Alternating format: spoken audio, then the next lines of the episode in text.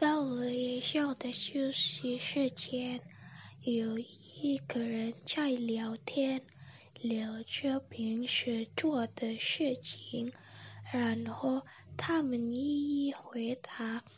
每个人都有自己的爱好，有些人在网上学习、阅读中外文书，对他来说。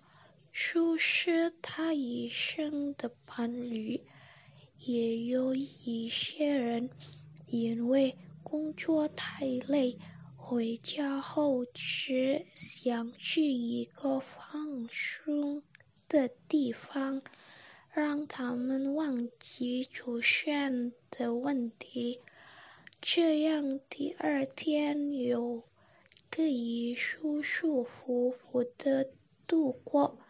也有人只是待在家里照顾孩子，周末看电影。也有人认为晚上消磨时间不仅是出门，还可以和家里的朋友聊天、打麻将。他们聊了很多。